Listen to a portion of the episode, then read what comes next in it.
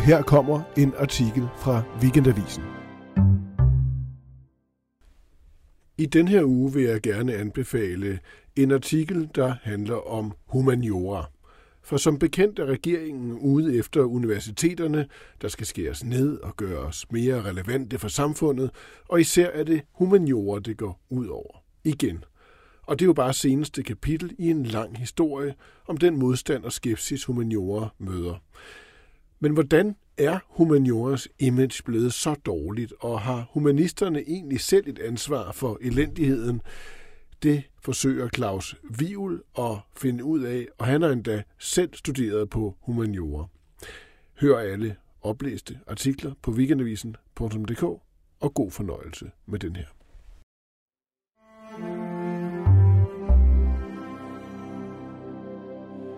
Har faget humaniora et imageproblem, og er det selvforskyldt? Det spørger jeg i en artikel 9 af fagets forskere, undervisere og sensorer om. Og mit navn er Claus Vivel. Arnested for subversiv virksomhed har jeg valgt at kalde artiklen. Humanister har fået et dårligt ry. Det må de fleste med rod i det gamle studie sande, og ikke kun efter sidste uges reform, som agter at skære ned på kandidatuddannelsens længde på flere fag deriblandt på humaniora. Bærer faget selv noget af skylden for sit nuværende ry? Er niveauet på de humanistiske uddannelser faldet? Har der været for mange historier om aktivistiske studerende, identitetspolitiske udskejelser og dårlig kønsforskning, som fremtrædende politikere i både Socialdemokratiet og borgerlige partier har botaniseret i i de senere år. Har underviserne forsømt at formidle deres forskning til den brede offentlighed? Eller er studierne udsat for en urimelig smedekampagne, som nu måske har fået politiske følger? Det har Weekendavisen talt med en række af fagets forskere, undervisere og sensorer om. De får her lov til selv at svare. Den første er Morten Ebbe Jul Nielsen, lektor, Ph.D. i filosofi på Institut for Kommunikation på Københavns Universitet. Han siger, Humaniora har delvist et selvforskyldt imageproblem. Mange inden for humaniora, et meget højlydt mindretal, har tegnet billedet. Den akse går fra kartoffelrækkerne ind over Danmarks Radio og til humaniora. De er interesseret i FN's verdensmål, Greta Thunberg osv. Den livsverden ser der ikke mange billetter i aksen fra Kåre Dybvad Bæk til Morten Messerschmidt og Inger Støjberg. Den er også svær at sælge i store hedinge. Universitetsledelsen har ikke været gode til at pege på alt det andet, der foregår her. Men problemet er også, at de, der danner vognborg om faget, heller ikke rigtig aner, hvad de taler om. Der findes to typer, der forsvarer humaniora for tiden. Den ene er politikken segmentet, som godt kan lide den aktivistiske del af humaniora, queerforskningen, ligestillingsdebatten, klimahejset og alt det der. Den anden er Weekendavisen segmentet, som dyrker en gammeldags humanisme fra lektor Blommes tid, hvor en læger kræver, at studerende læser sig gennem Shakespeares samlede værker og tærper grammatiske bøjninger. Ingen af de to positioner har meget med nutiden at gøre. Der er brug for en mere offensiv modfortælling. I en moderne verden har vi brug for at uddanne moderne mennesker. Jeg har ofte møder med erhvervsledere, og vi er for længst begyndt at uddanne kandidater, som gør sig godt der. Den nye fortælling om humaniora kombinerer en klassisk med en samtidig forståelse. Humaniora handler om at forstå mennesker og vores kulturprodukter, men også om at træne studerende i generelle kompetencer, der passer som fod i hose med vidensarbejdsmarkedets behov. Sådan lød det fra Morten Ebbe Jul Nielsen, der er lektor og Ph.D. i filosofi på Instituttet for Kommunikation på Københavns Universitet. Den næste i rækken er Lilian Munk Røsing, der er litterat og lektor på Institut for Kunst og Kulturvidenskab på Københavns Universitet. Hun har dette at sige. Der er foregået systematisk humaniora-bashing i årevis. Det gør noget ved billedet udadtil og indadtil. Det kan jeg mærke på mine studerende. Når de vælger et studie her, gør de det på trods af alt, hvad de har hørt. Min kongstanke er, at der er sket en skilsmisse mellem den kulturelle og den økonomiske kapital. Tidligere ville man kunne få status, hvis man var dannet, hvis man forstod sig på kunst, musik og litteratur. Men ingen politikere i dag bryster sig af, at de læser poesi og går på museer. Tværtimod bliver man populær på at mene, at sådan noget er elitært. Jeg oplever ikke aktivistiske studerende. Men jo, der er stor interesse for queer-teori, og det er helt relevant. Den kan for eksempel give os et blik for, hvordan kunsten altid har leget med kønnet, krydsklædte kvinder i romaner, bukseroller i operaen osv. Det er en spændende og dybt begavet teori, som kan give os nye måder at tænke på. At forholde sig til den anden, det fremmede, må man for min skyld gerne kalde en humanisme eller en etik, der ligger i humaniora. Det kræver tid at opøve en indsigt i noget eller nogen, der er fremmed for en selv. Men det er en vigtig del af humaniora. Et helt konkret eksempel er fremmedsprogene. De er for mig grundpiller i humaniora og burde styrkes.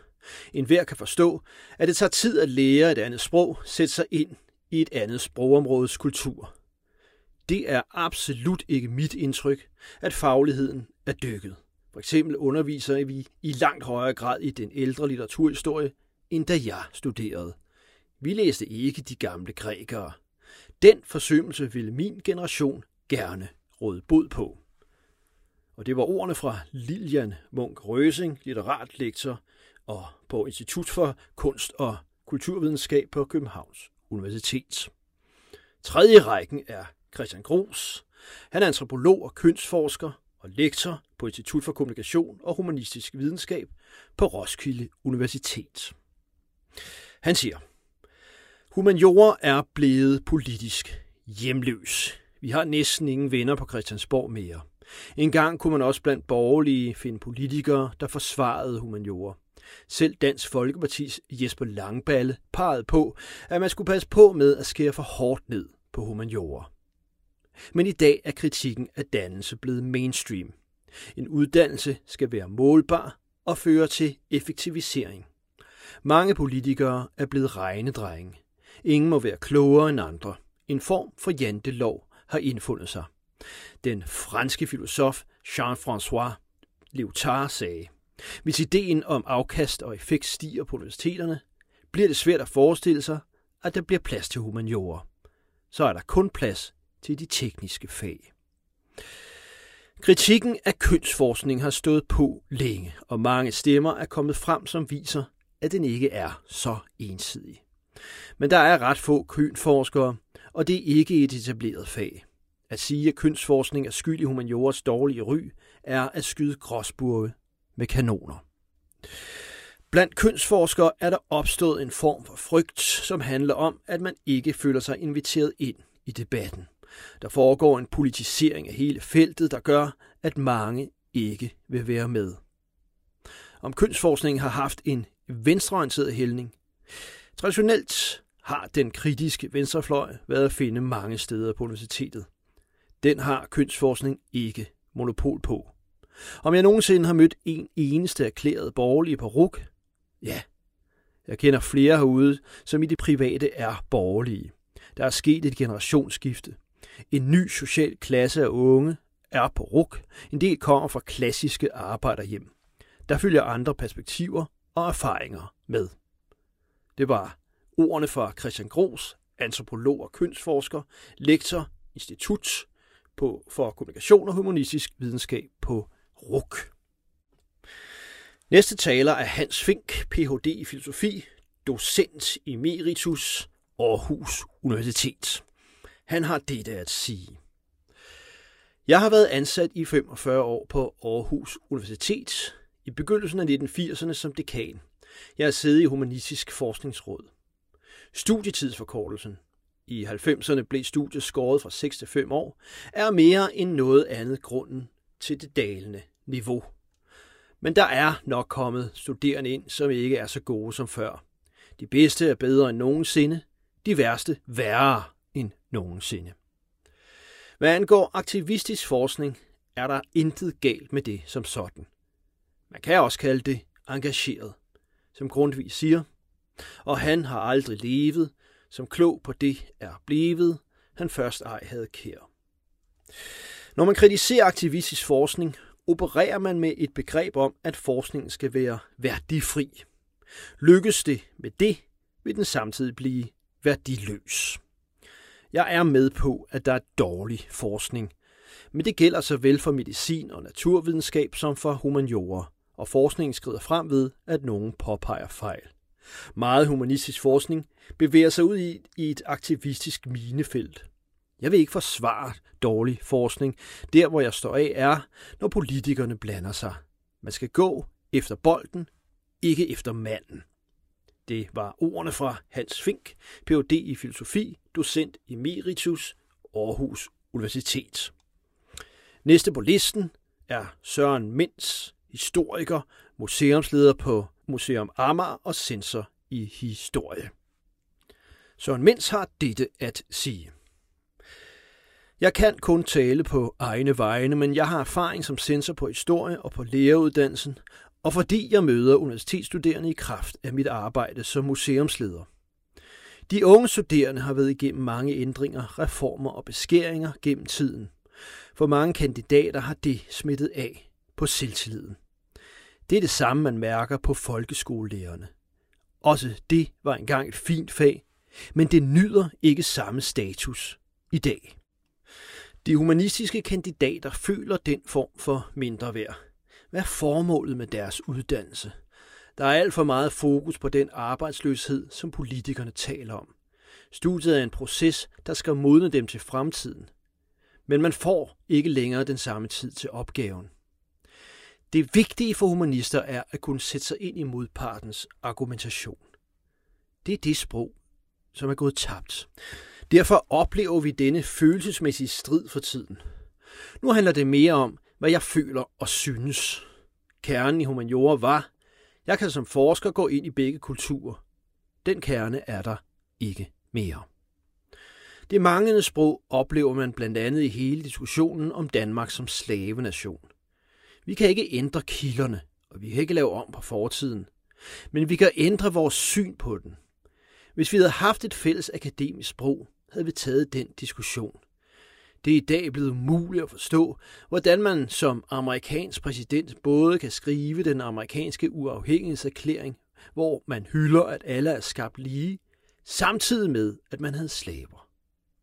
Men vi behøver ikke overtage fortidens aktørers syn for at beskæftige os med dem. Vi har været meget selvfede i Vesten. Jeg har læst i Indien, og der føler man sig ikke længere som en del af Vesten. Det rammer vores selvbillede. Alt, hvad vi troede var eviggyldigt, demokrati og menneskerettigheder eksempelvis, er der andre, der ikke kan se værdien i. Vi kalder os i Vesten for den frie verden. Men ved Indien og det øvrige Asien, eller Afrika, eller ja selv dele af Østeuropa, Italien, være med i den? Det kræver folk, veluddannede humanister, der evner at løfte blikket for at forstå. Sådan sagde altså Søren Mens, historiker, museumsleder på Museum Amager og censor på historie. Den næste i rækken er Marie-Louise Bæk-Nosch, professor i antik historie på Saxo Instituttet og præsident for Videnskabernes Selskab. Hun siger, Humaniora er ramt af beskyldninger om uddannelsessnopperi. Jeg fornemmer en mistænkeliggørelse af faget. Hvad er egentlig vores nytteværdi? Vi er højt uddannede og ender ofte i offentlige stillinger. Det kan næsten ikke blive værre. Uddannelse og forskning har unge i sig selv brug for. Men reelt har unge færre livsvalg, end de havde for blot få år siden. De har ikke længere mulighed for at komme til udlandet eller i praktik på samme måde som før. For 20 år siden var der en mission om, at 20 procent af en årgang skulle have en uddannelse. Uddannelse var en magisk pille, det skabte en hovedvej fra det almene gymnasium og videre til universitetet. Måske var der nogen, der kom ind ad den vej, som havde mere anlæg for en mellemlang uddannelse. Vi samlede mange af dem op, men jeg så egentlig hellere færre, men stærkere humaniorstuderende, både hvad forudsætninger og vilkår angår. Jeg har bemærket, at det kritiseres, at der undervises i identitet. Det kan jeg godt forstå bekymrer folk i Socialdemokratiet. Men hvorfor er det ikke et liberalt standpunkt, at unge kan beskæftige sig med, hvad de har lyst til? Det er som om staten skal beskytte de unge mod den slags. Såkaldt aktivistisk forskning fylder langt mere i medierne end i virkeligheden. Der var sagen om mexikanerhatten, men det kommer af, at mange studerende har boet i USA og der har taget de amerikanske forhold til sig. Det er ikke også undervisere, der er aktivistiske. Det er de studerende, som vil ændre verden. De er engagerede, de er fremme i skoene. Det er nok nærmere os andre, der skal mærke efter, om vi har fulgt med tiden. Det sagde Marie Louise Begnosch, professor i antikhistorie på Saxe Instituttet og præsident for Videnskabernes Selskab. Så er vi kommet til Frans Gregersen, professor emeritus, Institut for Nordiske Studier og Sprogvidenskab på Københavns Universitet. Han siger, det humanistiske fag har alt for længe solgt sig som dem, der tager sig af alt det, der ikke har med pengeindtjening at gøre. Vi skulle være til glæden eller til fritiden. Det betyder, at de æstetiske fag har fået særstatus som definerende for humaniorer. De humanistiske fag fremstår alt for ofte som synsningsfag i modsætning til naturvidenskab og teknik, som kommer med klare svar. I humaniora kan alt, som sådan synes offentlighedens synspunkt at være, diskuteres. Faktum er, at der overalt i humaniora produceres viden, der er lige så sand, og som man slår sig lige så meget på, hvis man benægter den, som i naturvidenskaben. Og der er i øvrigt rigtig meget i naturvidenskaben, der kan diskuteres, og som bør diskuteres. Paradoxalt nok fremstår i offentligheden en bitte lille del af humaniora som repræsenterende en særlig kondenseret version af humaniora. Det er den meget lille del af fagene, som helt berettiget sætter køns, kulturel og klassemæssig identitet til debat og udvikler metoder til at udforske dette komplekse område. De konservative politikere er meget forståelige grunde ser den slags viden som undergravende.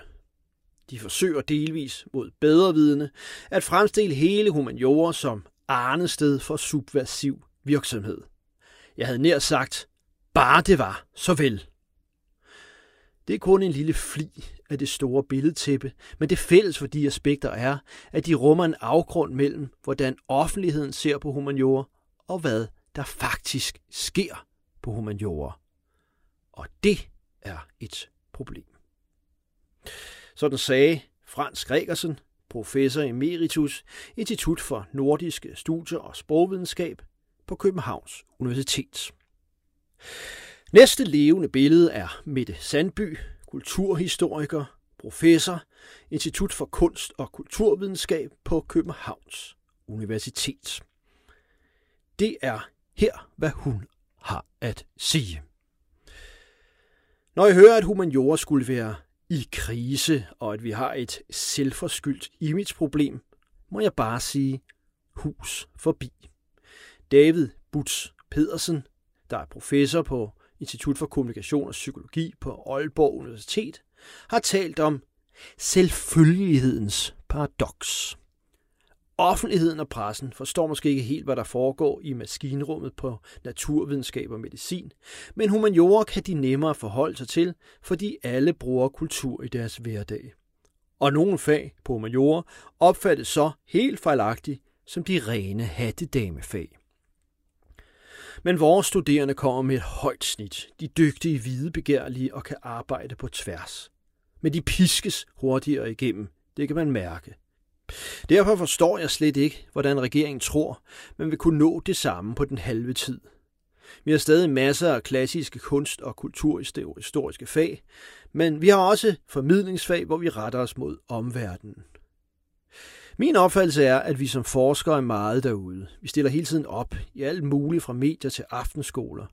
Men det lægger man måske ikke helt så meget mærke til, som når en covid-forsker dukker op på tv.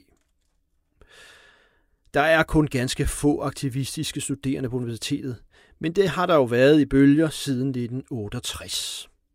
Men det er klart, at vi også på humaniora diskuterer og forsker i seksualitet og køn. Men der er ikke holdninger og viden om emner, der ikke kan præsenteres. Jeg kan bestemt ikke genkende, at der skulle være en frygtkultur her. Der er intet billedforbud. Så lød det fra Mette Sandby, kulturhistoriker og professor på Institut for Kunst og Kulturvidenskab på Københavns Universitet. Og så er vi kommet til sidste taler i rækken. Det er Sten Andersen, som er historiker og seniorforsker på Rigsarkivet. Det her er, hvad han har at sige. At humaniora har fået et dårligt ry, er ikke kun fagets skyld. De studerende skal så hurtigt gennem forløbet som muligt. Men hastighed er ingen dyd for en historiker. At arbejde i arkiver kræver møje. Man kommer til at sidde længe på en stol i dette fag. Historiefaget bør efter min mening have stor ros. Det er forankret i fagligheden. Grundlæggende handler historie om, hvad der skete i gamle dage. Det lærer de studerende at arbejde med, og jeg sætter pris på at få mulighed for at lære dem at koble arkivarbejdet med studiet af områder af vores historie. Her undervises de i håndværket at kunne tage en kilde og grænske den og stille den op over for andre relevante kilder og nå frem til en begrundet konklusion, der vil kunne modstå kritisk trykprøvning fra andre historikere. Det er meget mere værd i 2023 end teori eksercits. Og du må for min skyld gerne kalde mig både konservativ og traditionalist. Det er fint at hente teoretisk inspiration fra andre fag, men historie bør ikke lide under samfundsvidenskabelig misundelse. Vi skal holde fast i det komplekse, den individuelle begivenhed og oplevelse for at kunne skrive historien om de vanskelige og uigennemskuelige valg, fortidens aktører stod i. Vi har et ansvar for at genfortælle rigets historie til den interesserede læser. Og gerne på dansk. Det er vores demokratiske forpligtelse. Det var ordene fra Sten Andersen, som er historiker og seniorforsker på Rigsarkivet. Og det afslutter også denne artikel, der har handlet om, hvorvidt humaniora har et selvforskyldt imageproblem. Tusind tak for opmærksomheden.